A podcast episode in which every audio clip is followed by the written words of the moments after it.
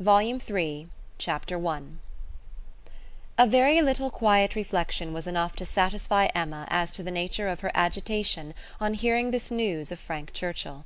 She was soon convinced that it was not for herself she was feeling at all apprehensive or embarrassed; it was for him. Her own attachment had really subsided into a mere nothing; it was not worth thinking of; but if he who had undoubtedly been always so much the most in love of the two were to be returning with the same warmth of sentiment which he had taken away, it would be very distressing. If a separation of two months should not have cooled him, there were dangers and evils before her.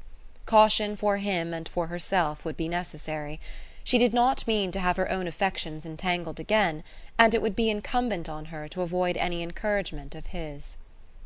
She wished she might be able to keep him from an absolute declaration.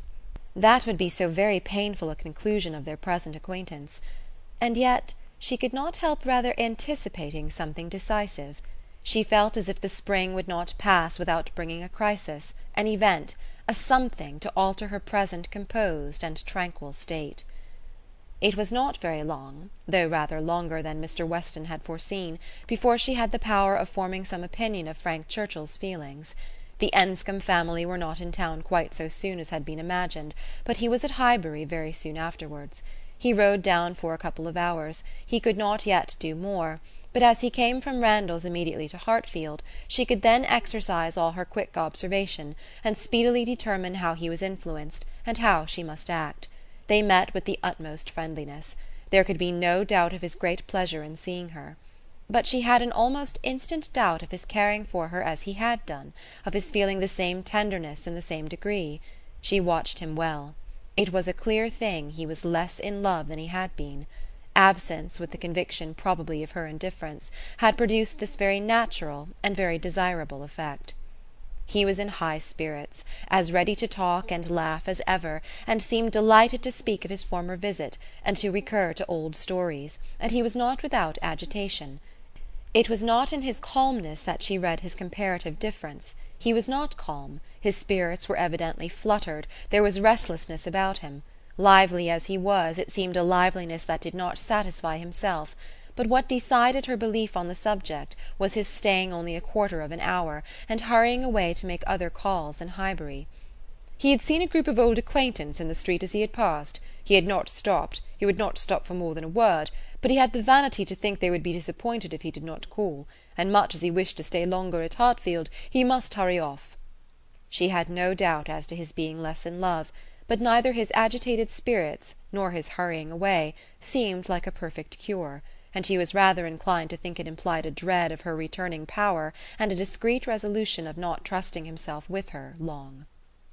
This was the only visit from Frank Churchill in the course of ten days. He was often hoping, intending to come, but was always prevented.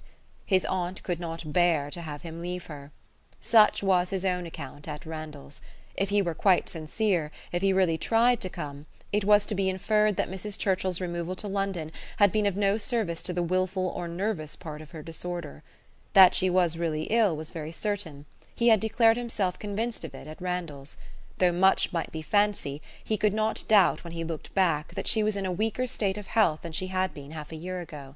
He did not believe it to proceed from anything that care and medicine might not remove, or at least that she might not have many years of existence before her but he could not be prevailed on, by all his father's doubts, to say that her complaints were merely imaginary, or that she was as strong as ever. It soon appeared that London was not the place for her. She could not endure its noise; her nerves were under continual irritation and suffering; and by the ten days' end her nephew's letter to Randalls communicated a change of plan. They were going to remove immediately to Richmond. Mrs. Churchill had been recommended to the medical skill of an eminent person there, and had otherwise a fancy for the place; a ready furnished house in a favourite spot was engaged, and much benefit expected from the change. Emma heard that Frank wrote in the highest spirits of this arrangement, and seemed most fully to appreciate the blessing of having two months before him of such near neighbourhood to many dear friends, for the house was taken for May and June. She was told that now he wrote with the greatest confidence of being often with them, almost as often as he could even wish. Emma saw how Mr. Weston understood these joyous prospects. He was considering her as the source of all the happiness they offered. She hoped it was not so. Two months must bring it to the proof. Mr. Weston's own happiness was indisputable. He was quite delighted. It was the very circumstance he could have wished for. Now it would really be having Frank in their neighbourhood. What were nine miles to a young man? An hour's ride. He would be always coming over. The difference in that respect of Richmond and London was enough to make the whole difference of seeing him always and seeing him never. Sixteen miles nay, eighteen it must be full eighteen to Manchester Street was a serious obstacle. Were he ever able to get away, the day would be spent in coming and returning. There was no comfort in having him in London. He might as well be at Enscombe. But Richmond was the very distance for easy intercourse. Better than nearer. One good thing was immediately brought to a certainty by this removal the ball at the Crown. It had not been forgotten before, but it had been soon acknowledged vain to attempt to fix a day. Now, however, it was absolutely to be; every preparation was resumed, and very soon after the Churchills had removed to Richmond a few lines from Frank, to say that his aunt felt already much better for the change, and that he had no doubt of being able to join them for twenty four hours at any given time, induced them to name as early a day as possible. Mr. Weston's ball was to be a real thing. A very few to morrows stood between the young people of Highbury and happiness. Mr. Woodhouse was resigned. The time of year lightened the evil to him. May was better for everything than February. Mrs. Bates was engaged to spend the evening at Hartfield, James had due notice, and he sanguinely hoped that neither dear little Henry nor dear little John would have anything the matter with them while dear Emma was gone.